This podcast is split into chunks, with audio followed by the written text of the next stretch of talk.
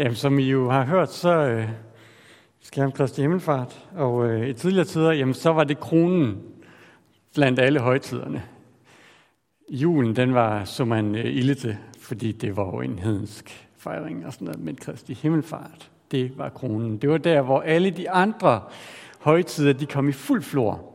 Alt det, som der er blevet kæmpet for på jorden, det kom i fuld flor til Kristi Himmelfart. Øh, sådan har vi måske ikke i dag. Der er vi måske lidt glemt, at Kristi Himmelfart det rent faktisk er en højtid. Øh, og vi er måske ligefrem lidt øh, pinligt berørt over Kristi Himmelfart. Vi har, det, vi har nemmere ved at fortælle, hvad det vil sige at være kristen, og hvad vi tror på, hvis vi sådan skår lidt let hen over øh, Kristi Himmelfart. Fordi det gør noget ved vores verdensbillede, ved øh, hele universet næsten, skaberværket. Det er en stor ting, vi har fat i, der bliver åbnet op, når vi graver os ned i Kristi Himmelfart.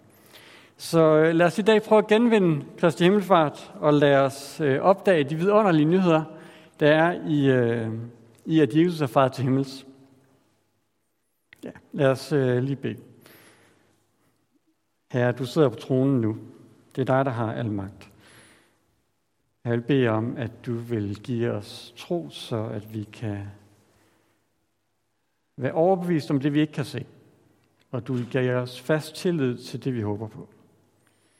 Amen. Jesus han lever. Han er opstået. Det var det, vi sidst hørte til påske. Han lever. Og disciplen, de så ham efter han var opstået. Det var dog øh, disciplen Thomas, da øh, han blev inviteret til at stikke fingrene i navlemærkerne og hånden ind i siden. Det var helt konkret krop, den opstandende Jesus havde. Han var sammen med dem, eller øh, han lod sig se i de her 40 dage, og så 40 dage efter, så samledes han disciplene ude på et bjerg uden for Jerusalem, og, øh, og så så de ham far til himmels. Så nu hvor han er faret til himmels, lever han så stadig. Og øh, når vi siger, at Jesus øh, lever, er det så blot et håb. Sådan et trøstende ord, som vi kan bruge til at styrke os i vores indre. Eller er det virkelighed? Lige nu. Og hvis han virkelig lever lige nu, hvor er han? Det er jo et fuldstændig legitimt spørgsmål, som øh, vi bør kunne svare på, hvis øh, vi skal have, vores tro skal have nogen gang på jorden. Hvis han lever, hvor er han så? I øh, Apostlenes Gerninger, der møder vi den første menighed.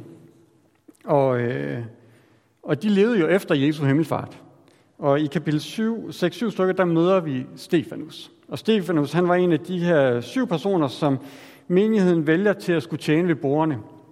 Og han får nogle flotte udtalelser med på vejen. Han bliver beskrevet som en mand fuld af tro og helgen. Øh, og der bliver fortalt om, at han gjorde store under og tegn blandt folkene. Øh, men der var en gruppe mennesker blandt, mennesker blandt jøderne, som, øh, som kommer i diskussion med ham. Øh, og de kan ikke modstå den visdom, som han nu besidder. Så derfor så opfinder de nogle falske anklager, øh, mod ham, og de ophidser folket, og de fører ham frem for jødernes råd. Man ser jo tydeligt parallellerne til Jesus selv her. Øh, men han bliver ført frem øh, for jødernes råd, og, øh, og der kommer Stefanus som er hans forsvarstale, og det går rigtig godt i øh, halvanden kapitels tid, eller hvor langt det nu tager.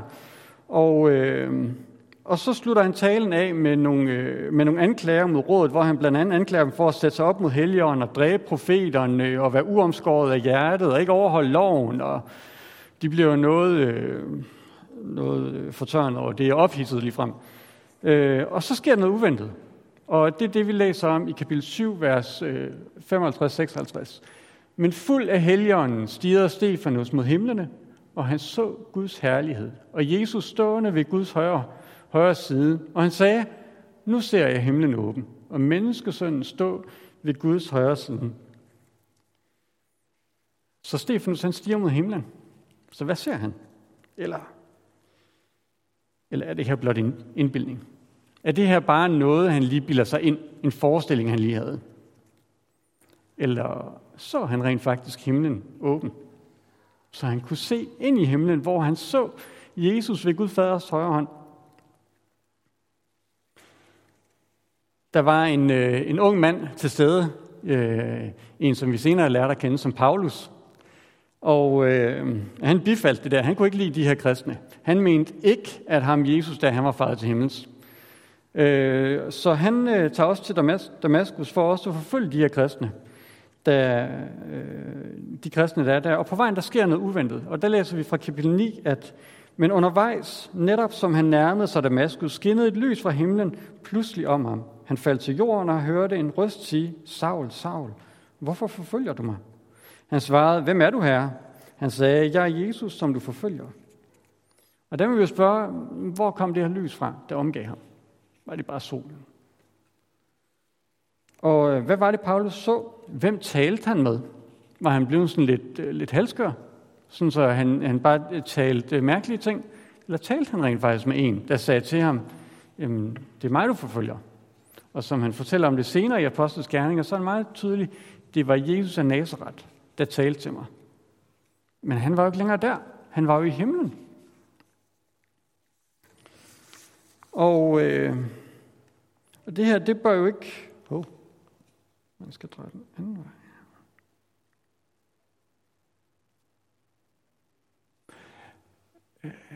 Julian, jeg er interesseret i den næste. Ja, tak.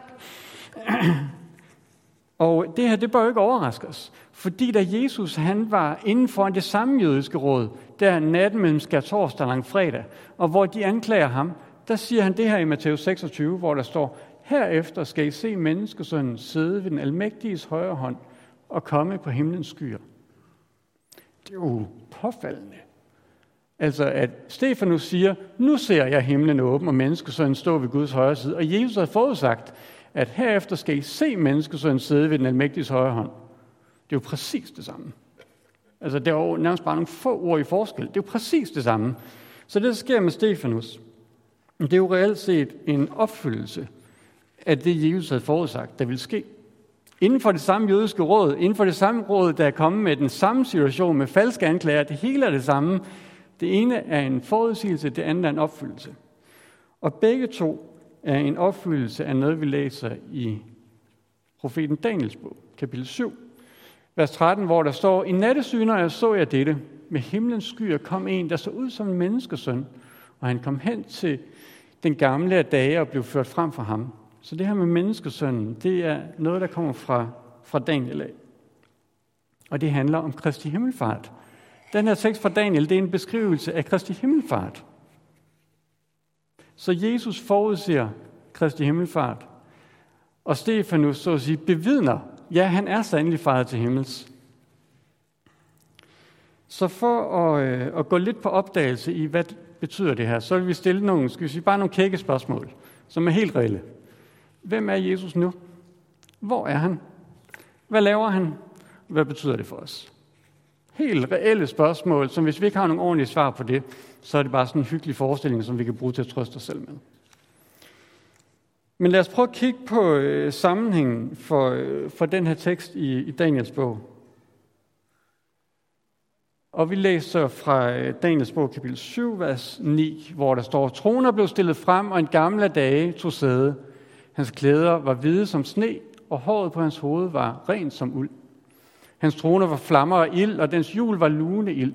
En flod af ild strømmede frem og løb ud foran ham. Tusind, ja tusind tjente ham. Ja tusind, ti tusind, ja ti tusind stod foran ham. Retten blev sat. Bøgerne blev åbnet. I nattesynerne så jeg dette. Med himlens skyer kom en, der så ud som en menneskesøn. Og han kom til den gamle af dage og blev ført frem for ham. Herredømme, ære og kongerige blev givet ham. Alle folk, stammer og tungemål tjente ham. Hans herredømme er et evigt herredømme, som ikke skal forgå. Hans kongerige skal ikke gå til grunde. Så her der er faktisk lidt en overraskende udvikling. Vi ser Guds trone i himlen. Den er jo overvældende mægtig, som noget vi øh, jo ikke engang kan forestille os. Øh, og, øh, og vi ser, at der bliver gjort forberedelser til næsten en rettergang. Altså retten blev sat, bøgerne blev åbnet. Og så sker den overraskende. Lige pludselig så er det som om, at vi ser scenen i himlen, så er det som om, så kommer der en menneske sådan, sådan ind på scenen. Øh, og det er ikke sådan, at man siger, Åh, hvad laver du her, kan du ikke lige gå et andet sted hen? Det er en, hvor man siger, du hører til her. Du får plads ved siden af mig. Ja, jeg tildeler dig herredømme og ære. Det er som om dommen bliver overgivet til ham.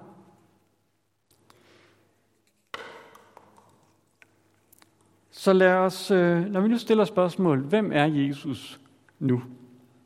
Så det første, vi må sige, det er, at han er menneskesønnen. Og øh, hvis I synes, at I har hørt det ord før, så er der en god grund til det. Fordi når Jesus sætter ord på, hvem han er, så bruger han med ganske få undtagelser, så beskriver han sig selv som menneskesønnen. Det er nogle få steder, han bruger andre ord. Og det er, hvis man tæller sammen, så er det 81 gange i evangelierne, han omtaler sig selv som menneskesønnen. Menneskesønnen er det ord, han bruger om sig selv. Og øh, så hvorfor bruger Jesus den titel? Det er en titel, der kombinerer, at han er fuldt menneske og fuldt Gud. Øh, og, øh, og det, at han fortsat er 100% menneske, fordi det her det er menneskesøn, det er fuldt menneske, der er faret til himmels. Så det, at han er fortsat 100% menneske, indebærer at blandt andet, at han er helt konkret og fysisk har en menneskekrop. Lige nu, i himlen. Og det betyder, at det er et menneske, der farer til himmels. Det betyder, at Gud han finder en glæde i at være menneske.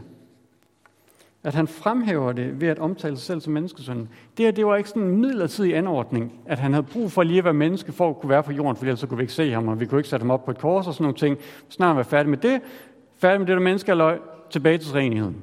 Nej, menneske fra inkarnationen, eller fra jul, om vi vil, i al evighed. Menneskefaret til himmels.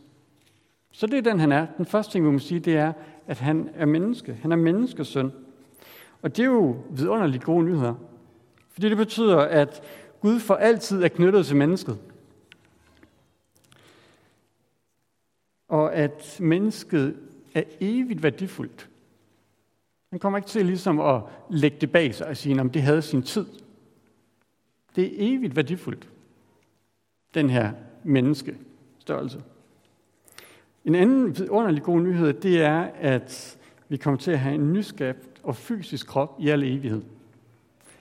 At Jesus han omtaler sig selv som den første fødte, som den, der, den første, der opstod med et, øh, med et nyt læme. Og det læme, det har han beholdt i al evighed.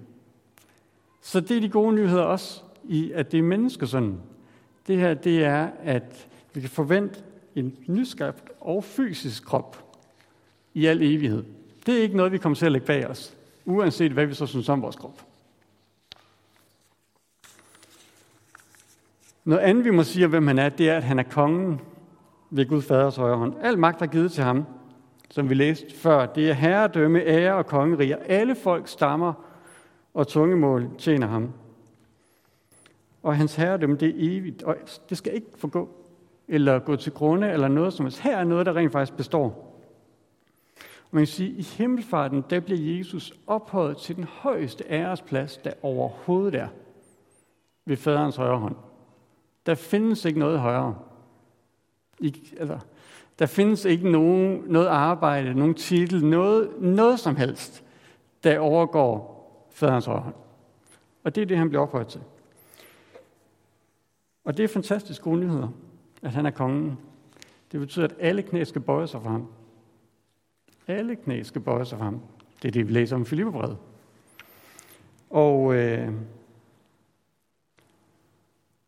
Spørgsmålet er blot, om vi vil bøje os for ham, skal vi sige, velvilligt, eller ej. Han er kongen. Vi kommer til at bøje os for ham. Det eneste spørgsmål i den henseende er egentlig, om det er velvilligt. Og øh, når han kommer igen, der vil det være åbenlyst for alle, at han er kongen. Der, der kan vi ikke længere sådan at sige, nej, jeg synes ikke, du skal være kongen. Der er den øh, mulighed ligesom forpasset. Og øh, man siger, at kongen det er han allerede nu, men lige nu, der er, hvad man kunne kalde næsten en nådetid. Altså en tid, hvor vi har mulighed for at bøje os for ham velvilligt. Og, øh, og det gør, at lige nu der er hans magt måske lidt mere skjult. Fordi hvis han trådte frem i fuld herlighed, fuld majestæt, fuld magt, så vil vi kaste os ned. Uanset hvad vi ellers tidligere har sagt.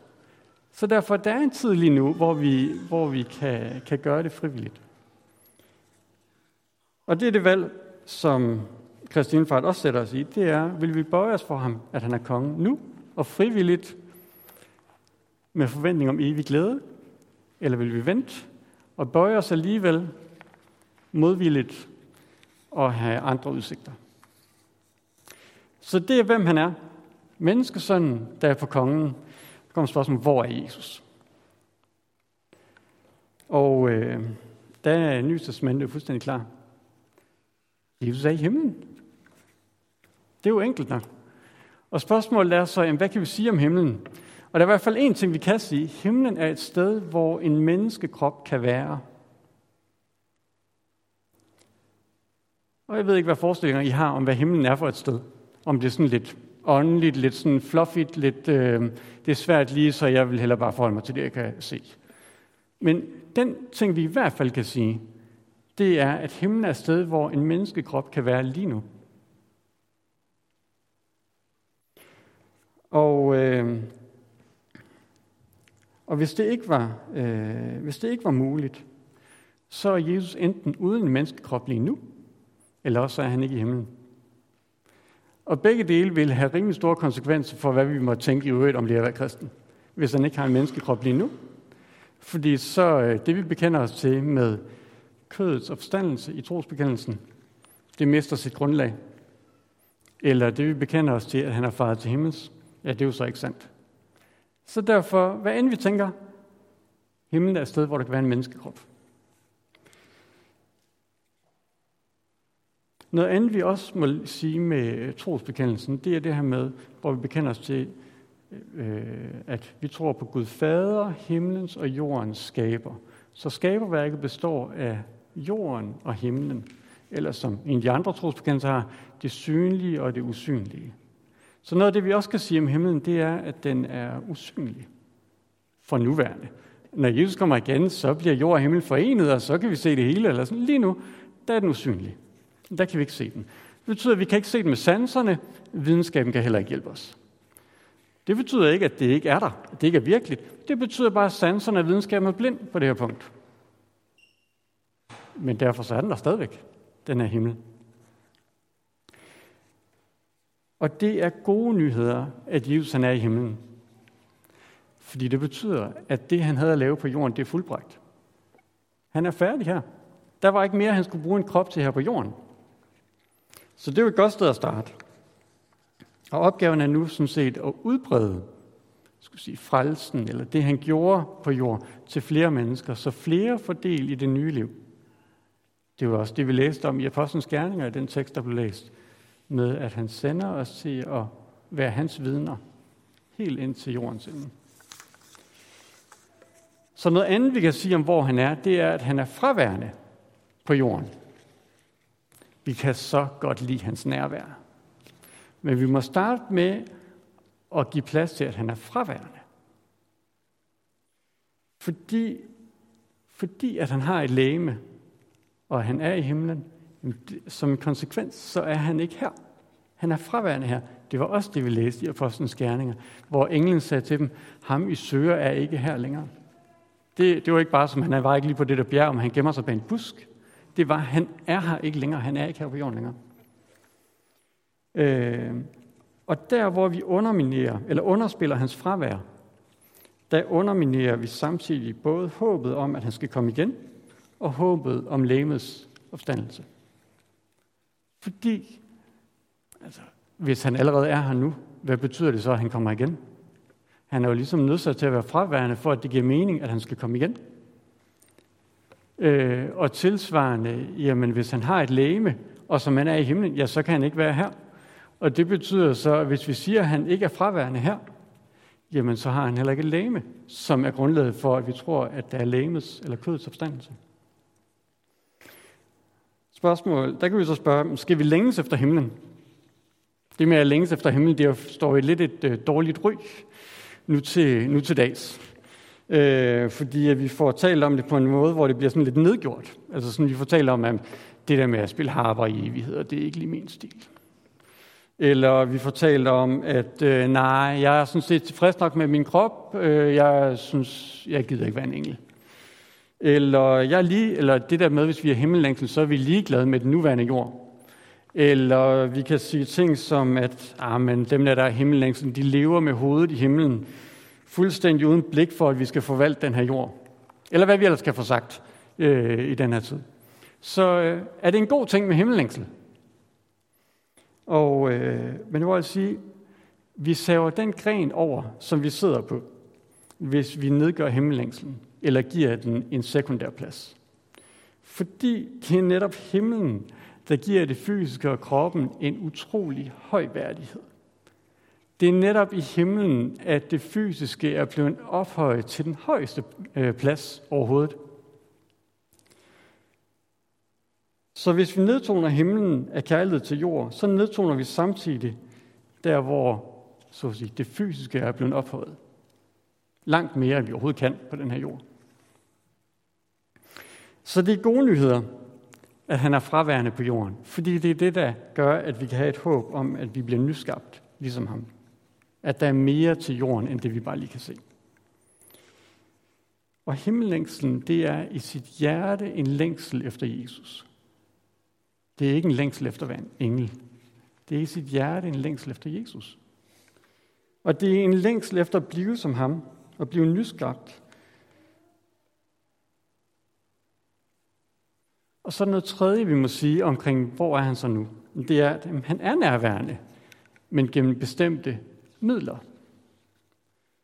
Og øh, så, så når vi beskæftiger os med det med Jesus, jamen så på den ene side så er han fraværende, på den anden side så er han nærværende. Han er fysisk fraværende, men han er nærværende gennem nogle midler. Og det er der, hvor at han sender ånden. Så når ånden bor i os, jamen, så er der et reelt nærvær. Det er ikke sådan, at han forlader os, eller efterlader os faderløse, eller noget af den stil. Han er rent faktisk med os. I, øh, i tidligere tider, der talte man om øh, de fem B'er. Øh, det er gået lidt mod. Men, men det henviser til, hvordan er det nu? Badet som dåben, og bordet som nadveren, og brødrene som fællesskabet, og Bibelen og bønden. Det sjove ved de fem, det er, at de alle sammen midler, hvorved at Jesus han er nærværende. Så fraværet er helt reelt, og ånden, også noget som de fem beder, rent faktisk er noget, der de midler, hvorved Jesus bliver nærværende her. Så derfor lad os ikke ringeagte ånden eller de fem beder. Altså lad os, ligesom vi længes efter Jesus, så lad os da længes efter at møde op de steder, hvor at han er nærværende. Nå, hvad laver han så? Vi kan jo ikke se, at han laver noget, kan man jo nogle gange tænke. Men han er kongen, og han har al magt i himlen og på jord. Men hvordan bruger han magten, og hvad laver han? Og der indledningsvis så er der måske to ting, der vil jeg bemærke i forhold til, hvad han laver. Det ene er, at han sender ånden. Vi har Kristi Himmelfart. Han får den højeste plads og kommer på tronen og sender ånden derfra. Så pinse kommer, fordi han er kommet på tronen. Så det er den første ting, som det er, at han sender ånden til jorden. Den anden ting, der er værd at bemærke, det er, at hans magt er skjult. Han, han kommer ikke med hans magt i fuld åbenhed og majestæt og herlighed. Det gør han en dag. Og der vil vi ikke længere være i tvivl om, at det er ham, der er kongen. Lige nu der, der er der en skjulhed over det. Så med det sagt, hvad er det så, han laver? Den ene ting, der er at sige, det er, at han leder historiens gang. Han sagde det jo til Pilatus, for eksempel. Hvor at øh, Pilatus, han øh, bryster sig lidt af, at han havde magt over ham. Og så siger Jesus til ham, du havde ikke nogen som helst magt over mig, hvis ikke det var givet dig ovenfra. Der er skille eksempler på det igennem Bibelen. Det er kongen, der leder historiens gang. Også i dag. En anden ting, der vi kan sige om, hvad er det, han laver nu, det er, at han giver flere mennesker del i frelsen. Det var det, vi læste i den tekst fra Apostlenes Gerninger, om at han sender os ud for at være vidner om ham helt til verdens ende. Så det er den gerning, der fortsat skal gøres her på jorden. Det er, at det nye liv, der er blevet åbnet op for, at flere får del i det. Og at dem, der har del i det, holder ud. Og den tredje ting, han gør, det er, at han beder for os. Han sidder ved Gud Faders højre hånd nu. Han er menneske lige frem der. Han er faktisk et menneske, der har været på jorden og levet livet her. Måske ikke lige i en moderne tid, men stadigvæk som et menneskeliv. Øh, han blev til med korsfæstet for os. Han er til med en, der elsker os, som ingen anden nogensinde har elsket os og nogensinde vil komme til. Han sidder ved Gud Faders højre hånd. og beder for os, og taler vores sag over for faderen. Så det er fantastisk gode nyheder, at det han laver, det er, at han gennemfører alt efter hans vilje, og hans vilje er god. Og han har al magt, og han giver os, skal vi sige, et rum, hvor vi kan bøje os for ham. Velvilligt. Hvad betyder det så for os? Og der er Nye er ganske tydeligt om, hvad Nyt Testamentet betyder for os. Lad os læse øh, lige fire vers eller sådan noget. Yes. Kan vi skifte videre igen? Yes, fra Kolosserne, Kolosserne kapitel 3. Når I nu er oprejst med Kristus, så søg det, som er i himlen, der hvor Kristus sidder ved Guds højre hånd. Tænk på det, som er i himlen, og ikke på det jordiske. I er jo døde, og jeres liv er skjult med Kristus i Gud. Når Kristus, jeres liv, bliver åbenbaret, der skal også I blive åbenbaret sammen med ham i herlighed. Så det, det betyder for os, det er det er Kristi Himmelfart. Og I kan læse resten af kapitlet. Det er fyldt af konsekvenser af Kristi Himmelfart. Hvordan vi skal leve med det. Så søg det, som er i himlen, der hvor vores elskede er. Tænk på det, som er i himlen, og ikke på det jordiske. Håb på det, som er i himlen. Håb på, at det, der nu er skjult, at det skal blive åbenbaret. At vi kan få lov til at se ham, som han er. I bjergprædiken, der taler Jesus om det her med, saml jer ikke skatte på jorden. De forgår. Saml jer skatte i himlen, fordi de består. For der, hvor jeres skat er, der vil jeres hjerte også være. Fordi vores hjerte skal være i himlen. Der er mange andre eksempler på det. Nyt Testamentet er ganske klar i forhold til, hvad betyder det her for os? Det betyder, at vi skal leve et himmelcentreret liv. Det er ikke det samme som et virkelighedsfjernt liv, eller et virkelighedsbenægtende liv. Det er faktisk lige det stik modsatte. Fordi når vi lever himmelcentreret, der lever vi i overensstemmelse med virkeligheden. Nogle gange så kan vi måske tale om det som en måde, sådan så at om hvis vi lever himmelcentreret, så fornægter vi lidt virkeligheden. Nej, vi lever rent faktisk i overensstemmelse med virkeligheden, når vi lever himmelcentreret. Når skaberværket består af himmel og jord, er det der at leve i overensstemmelse med skaberværket og virkeligheden, hvis vi lever med jorden i centrum? Og alt det synlige i centrum, og det er det eneste, vi dømmer tingene ud fra. Men hvis det er vist at leve i overensstemmelse med virkeligheden, så bør vi leve med himlen i centrum. Ikke bare himlen som et fremtidigt håb, men himlen lige nu og her, hvor Jesus er, hvor han lever og hvor han har al magt. Himmel er ikke noget fluffy noget. Det er et helt konkret sted, hvor en menneskekrop kan være, og hvor kongen sidder. Lad os øh, bevæge os tilbage til Stefanus. Stefanus, det gik ikke godt for ham. Efter han øh, så ind i himlen, så menneskesønnen ved Guds faders højre hånd, så øh, blev de om muligt endnu mere ophidset. De slæbte ham ud. Stenede ham til døde. Men det var påfaldende, hvordan forfølgernes vrede og freden hos Stefanus var i skærende kontrast. At forfølgerne de var fyldt af vrede, næsten som om de havde mistet kontrollen over sig selv, hvorimod Stefanus han var fyldt af noget, der minder om fred og mildhed. Man kunne næsten sige, at der var trængsler for deres sind, men for Stefanus, der var det blot hans krop, der led. Han blev stenet til døde og døde i fred. Og Stefanus, han så hans herre og konge, og er sammen med ham nu. Så det, at Jesus han er konge og frelser, det ændrer lidt forståelsen af vores trængsler nu og her. Uanset hvor hårdt vi har det her på jorden, så er vores skat og længsel lidt andet sted. Og uanset trængslerne her, så bliver vi styrket og vores tro renset os her. Og uanset trængslerne, så er den himmelske virkelighed større og stærkere end noget her på jorden. For vores Herre, han er far til himmels, og der har han fået al magt. Og derfra, der regerer han.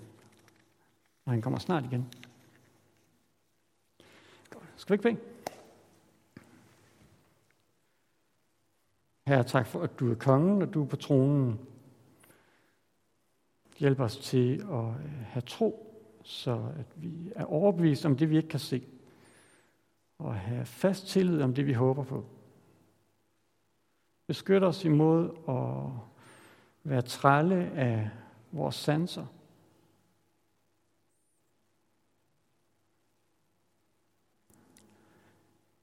Din vilje ske.